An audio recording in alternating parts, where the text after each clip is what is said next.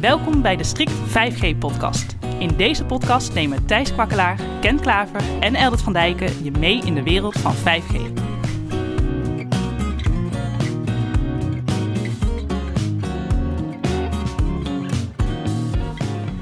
Dit is de Strict 5G podcast. Ik ben Thijs. Ik ben Eldert. En ik ben Ken. 27 februari tot 2 maart was dat dan zover. De Mobile World Congress in Barcelona. Yes, en dit keer waren we er weer bij. Zekers. De Mobile World Congress is een grote vakbeurs voor alles rondom telecom... waar zo'n 88.000 vakfanaten naartoe gaan. En ook vanuit Strict was er weer een afvaardiging. Eldert en Ken, jullie waren erbij. En uh, ja, het belangrijkste nieuws is natuurlijk uh, vaak al wel een beetje samengevat uh, op verschillende websites. en het nieuws daarvan is op zich wel bekend. Maar het lijkt me goed dat we hier toch ook wel de highlights volgens jullie ook kunnen behandelen. En, en wat is jullie nou ook opgevallen? Allereerst, hoe was het daar? Ik vond het weer een ouderwets gezellige beurs. Dus voor mij was het vier jaar geleden dat ik er ben geweest. En ondertussen, ik heb een keer even kunnen tellen. Dit was de vijftiende keer dat ik naar de Mobile World Congress ging en zijn voorlopers. Een paar keer heb ik helaas moeten missen ja, vanwege wat zwangerschappen en uh, baby's die dreigden geboren te worden en andere belangrijke redenen. Maar het was weer uh, gaaf om te zijn. Uh, vooral om te zien van nou, waar gaat de industrie naartoe. Ik heb vandaag ook weer zitten kijken naar het verslag wat ik van de beurs vorig jaar heb gemaakt. Toen heb ik hem alleen online meegemaakt. En eigenlijk ken ik zag niet heel veel nieuwe dingen. Niet heel veel vernieuwing. AI was vorig jaar een groot thema. Private 5G was een groot thema. Uh, de discussie van mobiele operators over wie de investeringen voor de infrastructuur moest doen, was ook weer een groot thema. Ik hoorde jou vorig jaar nog zeggen van we hebben eindelijk de killer use case voor 5G gevonden. De metaverse. ik hoorde je nog zeggen.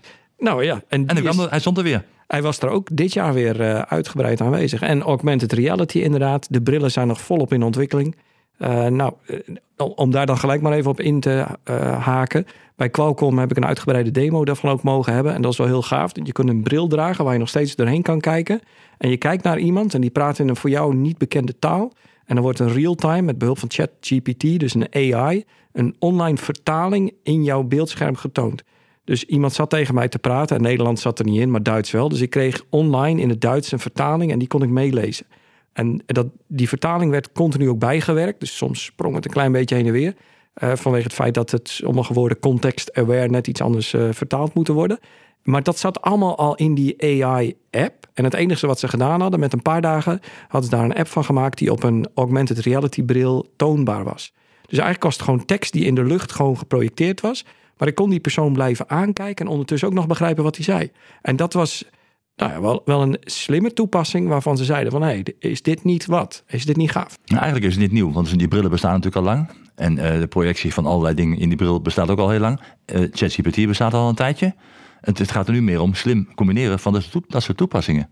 Ja, eens. Dat hebben ze toch slim gedaan. Ja, alleen we zijn er nog niet. Hè? Die, die bril is nu in staat om zeg maar 45 minuten te werken. En dan is de batterij leeg. Oh ja. En hij wordt nu nog gekoppeld aan, met een kabel aan je smartphone. Om de smartphone het meeste werk te laten doen. En vooral de connectiviteit te laten regelen. Uiteindelijk verwachten ze in de volgende versie dat er met behulp van wifi 6E of wifi 7 de verbinding met de smartphone gedaan wordt met hoge bandbreedte. Waarbij de smartphone de gateway is naar het internet. Want als je buiten op straat staat heb je niet altijd wifi. Maar je hebt wel je smartphone altijd bij en die zorgt dan voor de verbinding. En ze verwachten dat het nog wel een jaar of vijf duurt voordat die bril echt een stapje verder is. En dan is hij nog steeds zwaar en bulky. En ze verwachten over een jaar of tien dat je pas echt die uh, brillen uit uh, science fiction series uh, gaat zien. Die zeg maar nagenoeg even zwaar zijn als je huidige brillenmontuur. en waar dan een 5G-chip in kan zitten. Dat is nog wel heel ver weg. En dan vraag ik me ook af, is het voor die applicatie dan ook nodig dat je 5G hebt? Op het moment, nou, die vraag hebben we wel vaker ook met, met andere klanten aan de hand. Op het moment dat je in een pand bent, is het eigenlijk niet noodzakelijk. Want dan is wifi denk ik prima beschikbaar om dat soort toepassingen te, te ondersteunen. Bijvoorbeeld medische toepassingen of zo. Um, of bij onderwijs en bij onderzoek. Maar op het moment dat je buiten op straat daar dingen mee gaat doen, dan is 5G wel relevant. Want dat heb je niet in voldoende mate uh, buiten. En Ken, wat uh, is voor jou een grote highlight geweest? Nou, voor mij was het de eerste keer, moet ik eerlijk toegeven, dat ik op deze beurs was. Ik ben altijd een trouwganger naar beurzen, maar dan vooral in de kritische communicatie. Die komt er in mei weer aan. Maar dit was de eerste keer. Het is natuurlijk een operatorbeurs, dus dit is heel erg gericht op de mobiele operators. En die zijn ook rijkelijk vertegenwoordigd, inclusief de hele toeleveringsketen, zeg maar. Dat was interessant. Ik was samen met mijn opdrachtgever. En we hebben een, uh, tenminste, een van hen stelde voor om een bingo kaart bij te houden. Met de termen die het meeste in het oog sprongen. En die termen waren nou, duurzaamheid, groene netwerken, private 5G of private wireless. Vooral ook Open RAN. Gaan we het zo nog over, over hebben misschien. En ook de monetization of 5G. Met andere woorden, hoe kan je 5G of hun toepassingen nou te gelden maken? Daar kunnen we het misschien ook nog even over hebben. Maar het zijn wel dingen die heel vaak terugkwamen op de verschillende stands. Om dat laatste eh, in te gaan, ja, dat werd dan vaak op, op, op uh, slideware werd getoond. Met allerlei use cases. En dat je met slicing, waar we het al eerder over hebben gehad, uh, bepaalde dingen kan invullen. En bepaalde quality of service voor bepaalde toepassingen kan realiseren. Maar hoe je nu exact dat te gelden maakt, dat is toch een beetje nog in nevelen gehuld. Daar hebben we best wel gedachten bij. Maar heel expliciet was men daar niet in. En natuurlijk gaan ze graag met je in gesprek. dat geloof ik graag. Maar het is natuurlijk geen plaskare oplossing. Dus dat was interessant. En ja, weet je, eh, voor mij is natuurlijk eh, walhalla aan, aan leveranciers en partijen van technische oplossingen en zo. Geweldig om te zien. Uh, we hebben zometeen een lijstje met dingen die we daar echt gezien hebben. Maar dit zijn wel de thema's die in het oog sprongen. En, en wat zijn al ontwikkelingen die jullie hebben gezien waarvan jullie eigenlijk dachten, joh, dit heeft gewoon stilgestaan? Zullen we hier iets over Open RAN noemen? Nou, daar ben ik het dat idee heb ik niet. Ik zie wel dat de dingen doorontwikkeld zijn. Het gaat niet super snel, maar er wordt wel elk jaar zeg maar 30, eh, 40 procent aan ontwikkeling uh, vinden plaats. Qua snelheid of doorgaan. En, en dus ik heb niet zozeer het idee dat de dingen stil hebben gestaan. Uh, maar ik zie wel dat een hoop zaken gewoon langetermijnsontwikkeling vergen. Hè, zoals wat ik noemde met die augmented reality brillen. Maar hetzelfde is inderdaad met Open RAN uh, bijvoorbeeld aan de hand. Het, neemt wel elk jaar stappen en het, het groeit steeds verder. En uh, ook het gebruik van AI op allerlei plekken. Dus je ziet het steeds vaker worden toegepast. Bijvoorbeeld bij de configuratie van radionetwerken. Of bij het controleren van de installatie van een zendmast waarbij uh, met behulp van een AI gekeken wordt, nou, is, klopt de kabelloop en uh, is alles goed gemonteerd en hangt het niet scheef. En zeg maar, op basis van een, een camera of een drone die rondvliegt en met behulp van AI gelijk al zegt van oeh, dit klopt volgens mij niet. Waarbij dan vervolgens een mens daarna gaat kijken om de problemen op te lossen. Maar met AI kun je al een hele hoop werk, relatief eenvoudig werk, uh, uit handen nemen. Dus zo zie je op steeds meer plekken, of zag ik in ieder geval op steeds meer plekken, AI worden toegepast. En uh, we hebben nu al een aantal keer benoemd uh, dat we het erover gingen hebben, maar laten we dat ook maar eens doen. Open RAN. Ja, wat ik heb gezien is dat het vooral Intel gebaseerd is. En dat is wel grappig, want een aantal jaar terug wilde Intel heel graag de 5G-wereld in. Die hebben toen ook geroepen dat ze 5G-chips gingen produceren en modems. En die hebben toen ook een hele modemdivisie gehad die uh, aan Apple zou leveren. Nou, dat, die, dat lukte ze niet om uh, de juiste kwaliteit producten te op tijd. Je bedoelt de dedicated hardware echt? Ja, ja zeker. Chip. In, pla in plaats van x86, zeg maar. Ja, inderdaad. En die hele modemdivisie is uh, nou ja, uiteindelijk bijna ter ziele gegaan en door Apple overgenomen en, en heeft een doorstart gekregen. Maar Intel heeft nog steeds de ambitie om in de mobiele wereld een belangrijke rol te spelen. En ik denk dat ze daar nu succesvol in lijken te worden, dankzij Open RAM. Dus eigenlijk alles wat Open RAN doet is gebaseerd op open uh, spullenboel, dus gestandaardiseerde computers. En het enige platform wat echt een rol speelt is eigenlijk het x86-platform van Intel chips. Dus in elke Open RAN-oplossing zit ergens aan de basis een standaard computerserver, die anders in een cloudcenter draait, waar een Intel of meerdere Intel-processoren op zitten. En dat is zeg maar de basis van uh, waar vervolgens op gebouwd wordt. Dus je trekt eigenlijk gewoon een HP of een, of een, uh, een Dell. Dell server van het rek, gewoon off-the-shelf hardware. En dan draai je de juiste software op. En dan heb je een stuk van het 5G. Netwerk. En daarbij heb je insteekkaarten nodig. En die waren dit jaar op de beurs ook volop te zien. Ja. Dus je kiest een Marvel of van Intel of van Dell zelf. Uh, insteekkaarten of nog weer van Nvidia. Nvidia of AMD. Ja, en die hebben specifieke insteekkaarten ontwikkeld met krachtige processorchips om het 5G radiosignaal goed te kunnen uh, bewerken.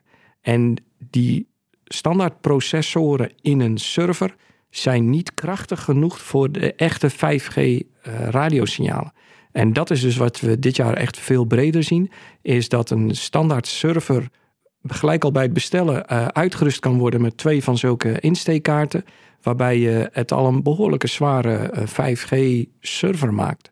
Vond ik wel opvallend inderdaad, want we liepen langs uh, allerlei stands en overal waar je kijkt zie je private 5G. Dus op een gegeven moment was er een stand van AMD bijvoorbeeld. En die zei, wij doen private, private wireless of private 5G. Toen dacht ik van, wat doet AMD als hardwareleverancier nu in private 5G? Leveren jullie oplossingen of systemen? En het blijkt inderdaad, precies wat jij zegt, dat zij hardware accelerator cards leveren voor in-servers, zodat ze zeg maar uh, die processing van, van signalen kunnen doen. Ja. En nou, Nvidia eigenlijk hetzelfde verhaal. Wij doen private 5G. Ja, nee, ze leveren hardware voor een stukje in die keten. Maar het is wel een superbelangrijk onderdeel. Precies, ja. Dus wat er eigenlijk gebeurt in Operan is dat je een stukje processorkracht nodig hebt. En men dacht van dat doen we met een generieke server. Nou, daarvan is men tot ontdekkingen gekomen van, frek, 5G is toch wel echt redelijk complex. Het is heel veel signaalbewerking. Daar zijn dus nu acceleratiechips voor uh, ontwikkeld. Die worden aan zo'n server toegevoegd. Nou, dan heb je qua hardware iets waarmee je in behoorlijke mate een, een 5G zendmast kan realiseren. Maar naast het hele processing deel heb je ook nog een radiozender nodig. Dus echt de eindversterker. Daar heb ik niet zo heel veel nieuwe dingen in gezien. Want dat wordt eigenlijk als een gegeven gezien. Daar zijn meerdere vendoren voor. En de focus dit jaar op de beurs vond ik vooral op het, uh, op het processing deel. Daar blijkt toch de, mooi, de meeste uitdaging in te zitten. En zitten daar dan ook de meeste ontwikkelingen in eh, ten opzichte van vorig jaar? Ja, dat idee heb ik wel. Alleen je verkijkt je op de hoeveelheid glasvezel koppelingen die nog nodig zijn tussen een server en een radiozendmast. Dus om uiteindelijk zeg maar uh, ruim 1 gigabit door de lucht te kunnen doen uh, op 5G in de 3,5 gigahertz band, heb je zomaar 25 gig glasvezelverbindingen keer 4 nodig om een radiozender uh, op een fatsoenlijke manier te laten werken. Dus dat is wat mij betreft ook gelijk de Achilleshiel van de hele Open RAN configuratie, is dat men heel veel uit de radiozender haalt en op een centrale processor doet. Men dan blijkt dat die centrale processor toch echt wat krachtiger moet zijn en specifieke chips nodig heeft. En vervolgens blijkt je dan ook nog weer een hele hoge datasnelheid nodig te zijn naar veel radio-oplossingen. En dat is over het algemeen toch weer wat lastiger te realiseren. Uh, moderne 5G-systemen van zeg maar de standaardleveranciers hebben gewoon een enkele of een dubbele glasvezel naar de radiozendmast en kunnen daar hele hoge radiodatasnelheden mee halen. Dus het is, ja, zeg maar, dit is waar Operan nog aan het inhalen is. Andere aspecten waarbij Operan nog volop in ontwikkeling is, is dat over het algemeen de hardware nog veel groter en complexer is als wat je bij een leverancier als Huawei of Nokia of Ericsson kan krijgen.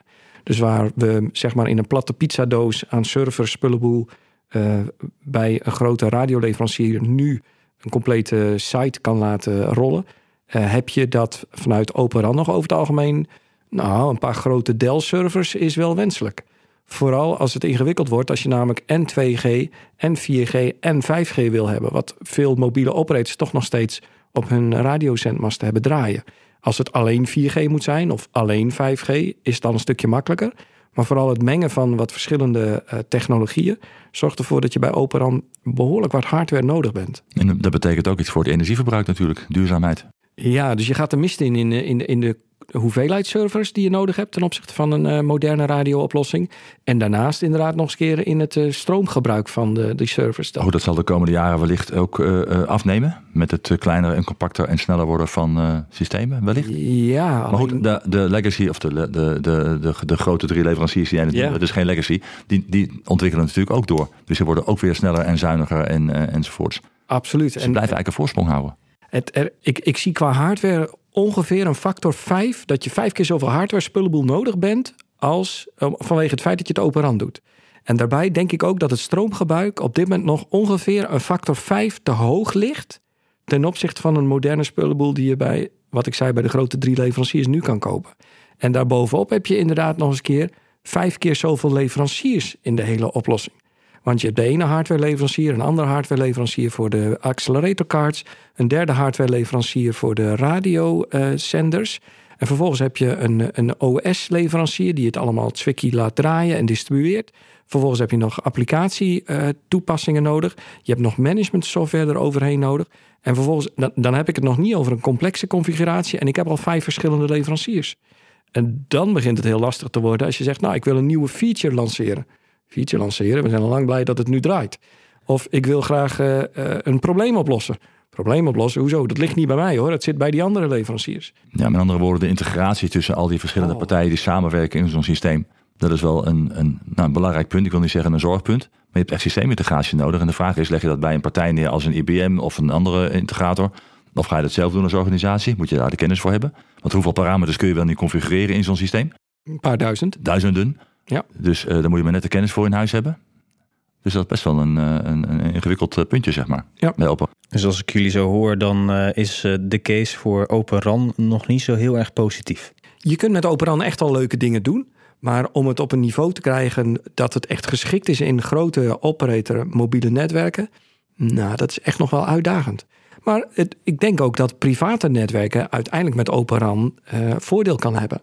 Op het moment dat je een complete configuratie kan hebben op basis van standaard componenten die redelijk beschikbaar zijn en waarbij de integratie door andere grote partijen al gelukt is, dan kun je daar uh, alternatieven in vinden. Dus daar, daar kan het best een voordeel hebben. Je had het over, uh, over duurzaamheid en energieverbruik. Hè? Daar hebben we bij Huawei iets over gehoord. Wil je daar nog iets over zeggen? Wat je daar gezien hebt? Nou, wat ik daar in zijn algemeenheid heb gezien is dat ze uh, in staat zijn om elk jaar met ongeveer 30% de performance van het radionetwerk te verbeteren. Uh, zonder dat het stroomgebruik toeneemt.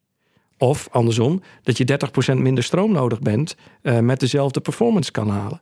En dat is wel een, een, ontwikkeling die ik ook bij, bij Nokia heb gezien en ook bij uh, Ericsson globaal. Waar ze het dan net op andere manieren weer doen. Maar toch in staat zijn om het stroomgebruik inderdaad jaar op jaar fors te verlagen. En dat is iets waar Operan denk ik wel een uitdaging in heeft. Zij ontwikkelen ook elk jaar met 30, 40 procent. Uh, maar degene die uh, de, op dit moment de grote leverancier zijn, doen dat ook nog steeds. Hmm. Dus je bent niet echt nog aan het inhalen. Je, bent, je mag blij wezen als je bij kan houden. Dat Ja. is wat ik op dit moment uh, zie. Ik heb iets gezien over groene netwerken, zoals het dan heet. Hè? Dus niet alleen groen eh, KPN, groen zal ik maar zeggen. Maar mij was eh, het Huawei die er iets over geroepen heeft. Ja, want ze hebben ook nog een aantal andere Ze hebben een soort, soort feature, zeg maar, dat als er geen verkeer wordt gegenereerd Ja. door gebruikers, dat ze dan carriers afschakelen of eh, nou, in ieder geval ervoor zorgen dat het stroomverbruik van zijn netwerk naar beneden gaat. Ja. En dat was wel redelijk uniek volgens mij. Klopt, want daarmee kun je ook nog eens een keer 30% stroom besparen. En ze hadden daarnaast nog een feature om met behulp van zonnepanelen en accupakketten, dus dat je een site zeg maar standaard met een paar zonnepanelen uitrust, dat je in combinatie met het accupakket ook al gauw van 10 tot 20% stroomgebruikverlaging kan hebben. Een beetje afhankelijk van hoeveel de zon schijnt. Maar voor de meeste landen in Europa schijnt dit realistisch te zijn. Dus dat wil zeggen dat je eh, nou, 30% bereik vergroot door nieuwe radiochips. Eh, vervolgens door ze dynamisch af te schakelen als er geen behoefte is, ook nog eens een keer 30% stroom zou kunnen besparen. En met een intelligente eh, accupak en eh, zonnepanelen nog eens een keer 20%. Je houdt bijna niks over. Nee, Nou, en dat, dat zijn wel slimme eh, ontwikkelingen het levert geld op. die totaal niet stilstaan bij de bestaande grote leveranciers van 5G. Hoor ik een hele hoop eh, ontwikkelingen waar ook een hele hoop geld voor neergelegd moet worden. Maar hoe ga je er dan geld mee verdienen? Goeie hè? Dat is exact de vraag waar Ken al even eh, aan refereerde. En je ziet ook Ja. een hoop leveranciers die roepen... ja, maar met onze oplossing ga je geld besparen. Want dan ga je dingen verder automatiseren in je hele back-office... of je gaat eh, slimmer eh, configuraties doen. En dan denken we, ja, ik moet het nog zien gebeuren bij operators... waar gewoon een hoop mensen werken die allemaal hun best doen. Ja, Ja. dat is een ontwikkeling die al jaren aan de gang is. Het verhaal was natuurlijk van ja, met 5G zometeen een 3,5 gigahertz band. Ook in Nederland kunnen we eh, slicing gaan verwachten. Hè? Dat eh, toegesneden diensten maakt voor bepaalde toepassingen, Ja. voor bepaalde gebruikers. En eh, ja, daar kan je natuurlijk heel slim mee omgaan. En hopelijk dat dat dan geld gaat opleveren. Want als je natuurlijk dienst kan leveren aan een partij die dat ook geld waard vindt, dan is het interessant. De vraag is natuurlijk, eh, gaat dat echt zoveel geld opleveren dat het de investeringen in, in 5G gaat rechtvaardigen, zal ik maar zeggen. Want er moet natuurlijk wel een hele nieuwe infrastructuur bij worden gebouwd. Nou ja, voor een belangrijk deel in ieder geval het radionetwerk. Ja. Ja. Het moet toch wel eh, ja, uit de de breedte komen natuurlijk. Iemand moet het betalen. En, en dat is uiteindelijk volgens mij waar 5G, eh, of waar de, eh, 5G relevant voor is, is dat voor de capaciteitsuitbreiding. En 5G geeft gewoon een, een, een, zeg maar een snelweg met een hoop extra rijbanen straks met die 3,5 gigahertz band. En het verkeer blijft groeien. We blijven steeds meer op ons mobieltje doen onderweg. En dat verkeersgroei is de afgelopen jaren nog steeds 40 tot 50 procent geweest. De afgelopen 10 jaar volgens mij aan datagebruik. En er is geen reden om aan te nemen dat het nu afneemt. Eerder zal het nog straks met augmented reality gaan toenemen. Dus het uh, verkeer blijft groeien. En wat zijn dan alternatieven om ervoor te zorgen dat je netwerken op drukke punten niet in uh, ja, een overload toestand, in congestie komen? Ja. En typisch is dat op dit moment ook al het geval op marktpleinen of op het centraal station of op plekken waar veel mensen samenkomen. En daar worstelt een operator nu af en toe al mee. Dus er is ook de verwachting dat 5G een hoop lucht geeft. En die lucht is straks ook keihard nodig. Die gaan we heel snel weer inlossen. Want die denkt van ja, Ja. Wat, wat gaat 5G voor de consument eigenlijk brengen? Want we hebben het vaak over industriële toepassingen of voor missie-kritisch. Maar voor de consument, ik zei net al voor de, voor de uitzending begon, Ja, van eh, ja, wat gaat het mij nou brengen? Want ik ben natuurlijk boomer en ik doe alleen maar een beetje WhatsAppen en Facebook en LinkedIn en zo, weet je wel. Maar eh, eh, goed, van mijn kinderen weet ik ook, ja, die doen ook TikTok en Snapchatten en zo. En TikTok is de grote applicatie die vreselijk veel data op dit moment in, in netwerken teweeg brengt voor consumenten. ja. Dat met heel veel video. bizar. Heel veel videootjes en Ja. dat is echt gigantisch. Dat, ik las ergens in een rapport dat dat gewoon de driver is voor de, nou, de capaciteitstoename of de capaciteitsvraag, zeg maar, die jij net noemde. Correct, ja. En, en in dat opzicht was in Barcelona ook weer een interessante worsteling. eh, waarbij mobiele operators eigenlijk roepen van ja, wij zitten de netwerken te bouwen. En eh, alle big tech companies, hè, zoals een TikTok, zoals een Netflix, zoals een eh, nou ja, Facebook het was. En die zijn allemaal heel veel data aan het genereren. En wij moeten dat allemaal transporteren. En zij verdienen eraan. Het is niet eerlijk. Nou, en, en die roep is ook dit jaar weer eh, te horen geweest in Barcelona.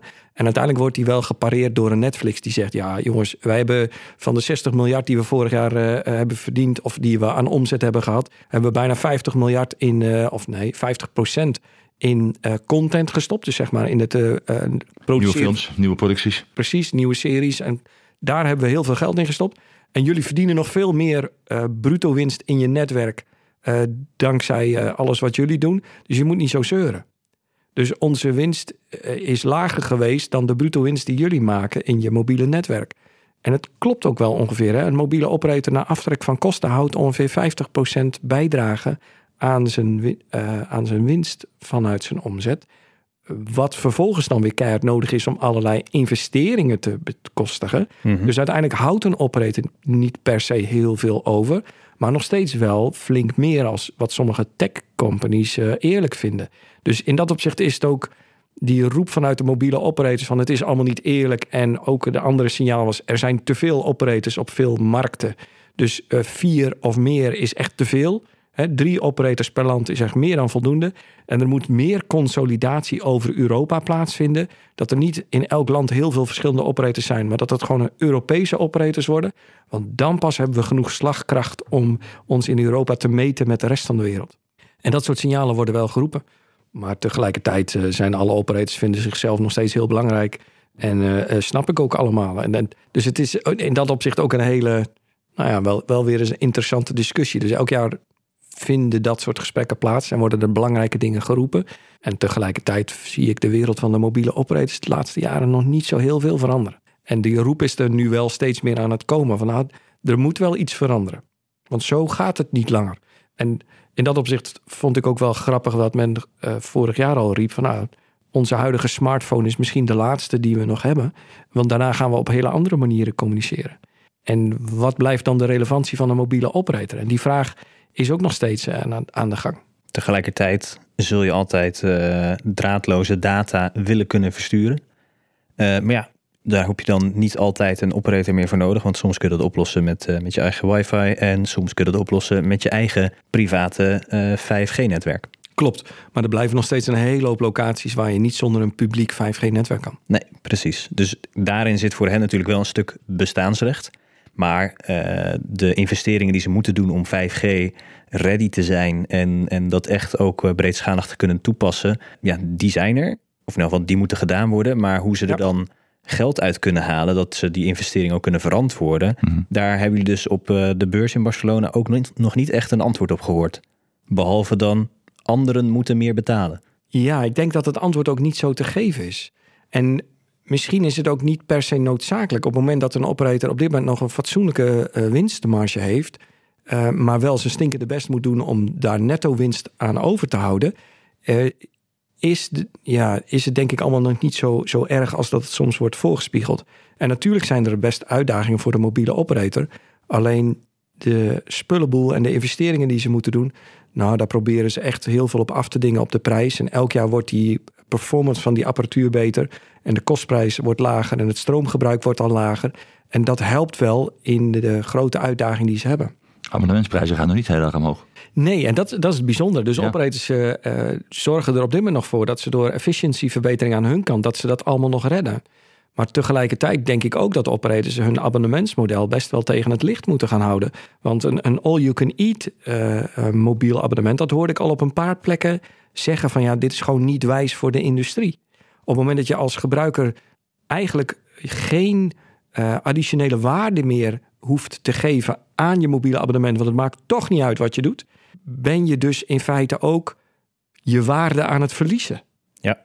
En nu begeef ik me misschien een beetje meer op een marketingtermijn of uh, gebied, maar het, het is iets uh, wat waarde moet houden als je slim bent. En door die waarde weg te geven, door het zeg maar uh, all you can eat te maken, nou ja, dat is een beetje hetzelfde bij all you can eat restaurants. Over het algemeen wordt dat niet ervaren als uh, hoge kwaliteit. Want dat zal het wel niet zijn, want het is toch allemaal maar gratis. Ja, maar ook niet klagen. En precies, dat ook een beetje. En ik denk niet dat dat een gezond model is. Dus ik zou veel eerder zeggen, nou blijf misschien wel de hoeveelheid data die je uh, jaarlijks mag doen met je abonnement, laat dat blijven groeien. Ik denk dat Ziggo dat bijvoorbeeld voor thuis ook in Nederland heel veel jaren al heeft gedaan. Hè? Dus elke keer werd de datasnelheid een beetje opgevoerd. Dus, dus die datasnelheid is in zoveel jaar heel flink gegroeid. Nou, laat de datahoeveelheid in je mobiele abonnement meegroeien met de markt. Maar hou wel dat onderscheid. Dat mensen echt die ver over die databundel heen gaan. Dat die ook meer betalen. Is wel iets logisch. Wat we als consumenten allemaal prima snappen.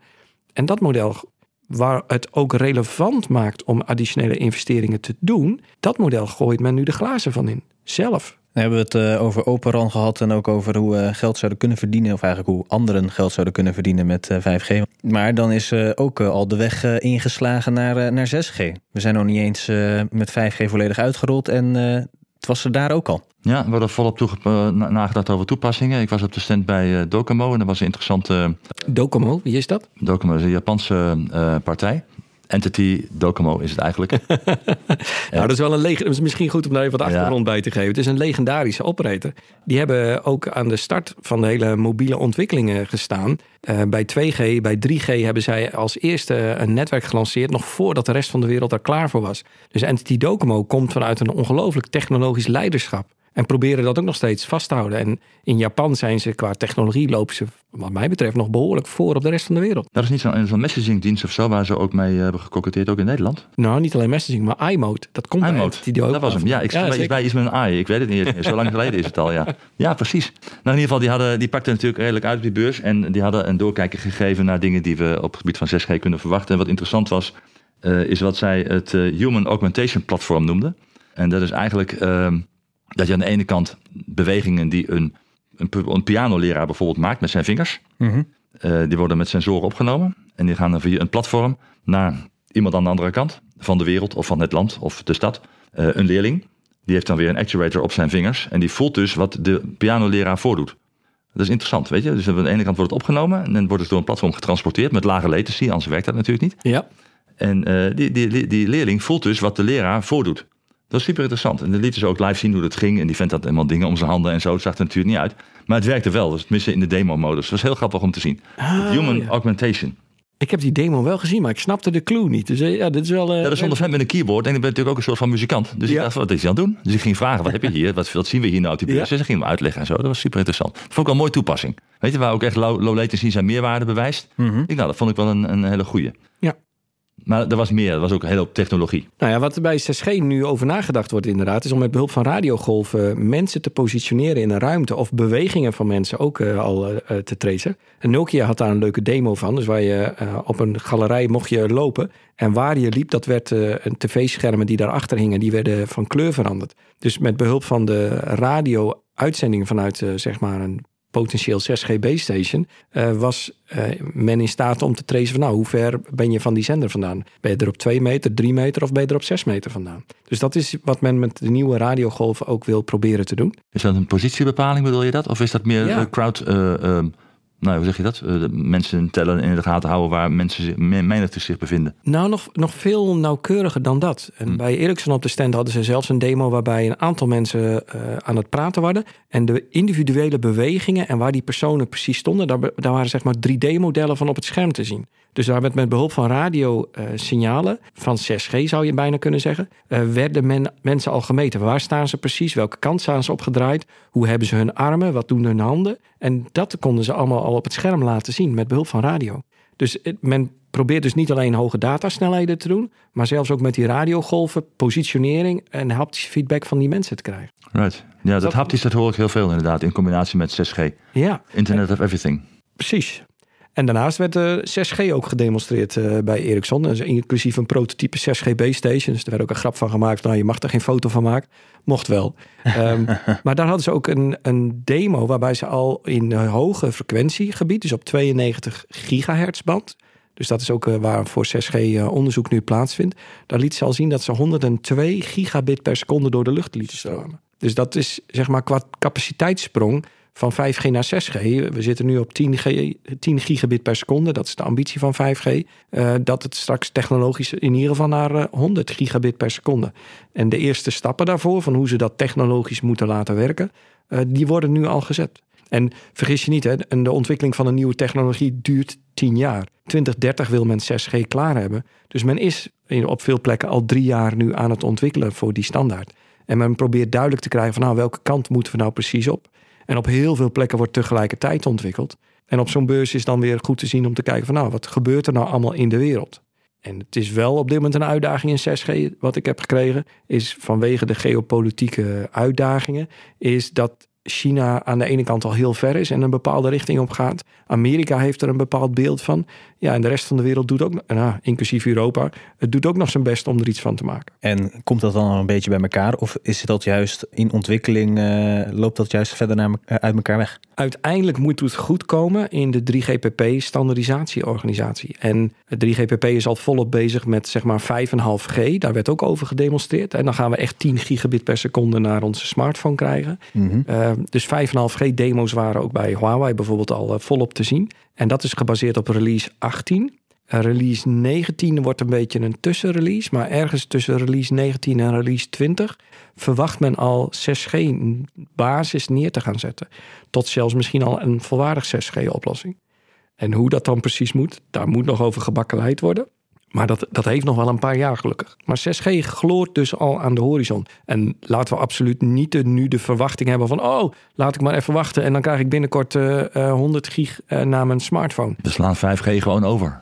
Ja. Zeker niet. Ja, dat, dat, dat kan gewoon helemaal niet. En laten we ook eerlijk zijn, hè, wat met 4G en 3G bij ons in Nederland gebeurde... is dat 3G in 2004 kwam en 4G in 2014...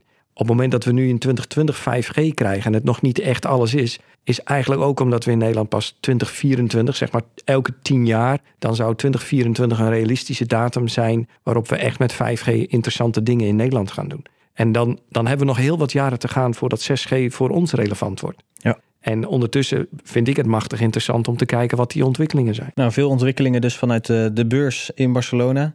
En uh, we blijven jullie, de luisteraars, natuurlijk uh, zeker op de hoogte houden. Maar tot die tijd, de eerste keer dat. De eerste keer dat, dat ik naar uh, de Mobile World Congress mocht, dat was toen heette het nog 3GSM. Dus dat was zeg maar een samenvoeging van 3G en de GSM.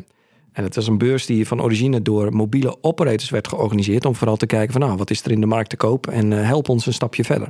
En de 3GSM was toen de tijd nog in Cannes. En de, ongeveer de laatste keer dat het daar was, mocht ik er voor het eerst naartoe. Dus zeg maar net het het, junior uh, ontgroeit richting senior aan het gaan. En ik mocht een keer naar de beurs toe. Uh, en samen met een uh, collega hebben we dat toen voor weinig allemaal geregeld. Dus dat was wel heel stoer. Maar 3GSM is, was toen in het gebouw waar ook altijd jaarlijks de filmfestival van Cannes in plaatsvindt. Dus wat je vroeger wel eens, zeg maar, de belangrijke wereldsterren over de rode loper zag lopen. Daar mocht ik toen als duvelstoejager bijna ook overheen. Dat was helemaal super.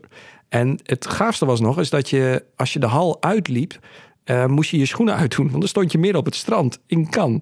En uh, dat was ook wel zo'n hele prachtige combinatie. Dat je zeg maar een hele hoog technologische beurs, mensen allemaal strak in het pak. En je liep de hal uit, zeg maar via het trapje aan de zijkant. Dan moest je echt je schoenen uitdoen, want je stond op het strand. Geweldige locatie. Het was, een, ja, het was echt... Uh, ja, maar dat daar niet meer is. Nou ja, en het mooiste was nog aan de andere kant van het gebouw zat de jachthaven. En daar, de hele jachthaven zat vol met de mooiste schepen en jachten. En elk schip was van een uh, bedrijf of organisatie. En het lukte mij toen helaas niet om op een gesponsord feestje binnen te komen op zo'n jacht. Maar dat was s'avonds zeg maar de place to be. Dus het mooie aan die beurs was denk ik dat overdag liep iedereen serieus op die beurs rond. En je verplaatste je zeg maar 50 meter. En je was midden in het feestgedruis wat tot diep in de nacht uh, scheen door te gaan. Dat lukte ons dan helaas niet om daar binnen te komen. Uh, maar dat was wel de place to be. Nu is het uh, mega groot en, en heel anders. En fenomenaal om te zien hoeveel bedrijven allemaal een rol spelen in deze industrie. Sommige heb ik wel eens mijn vragen bij. Van ik denk, nou, wat, wat doet u hier? Maar het zorgt er wel voor dat het feest gigantisch groot is. Dank jullie wel. Dit was de Strict 5G podcast met Eldert, Ken en Thijs. Abonneer je op de podcast zodat je direct weet wanneer er weer een nieuwe aflevering is. En laat ons ook vooral weten wat je ervan vond.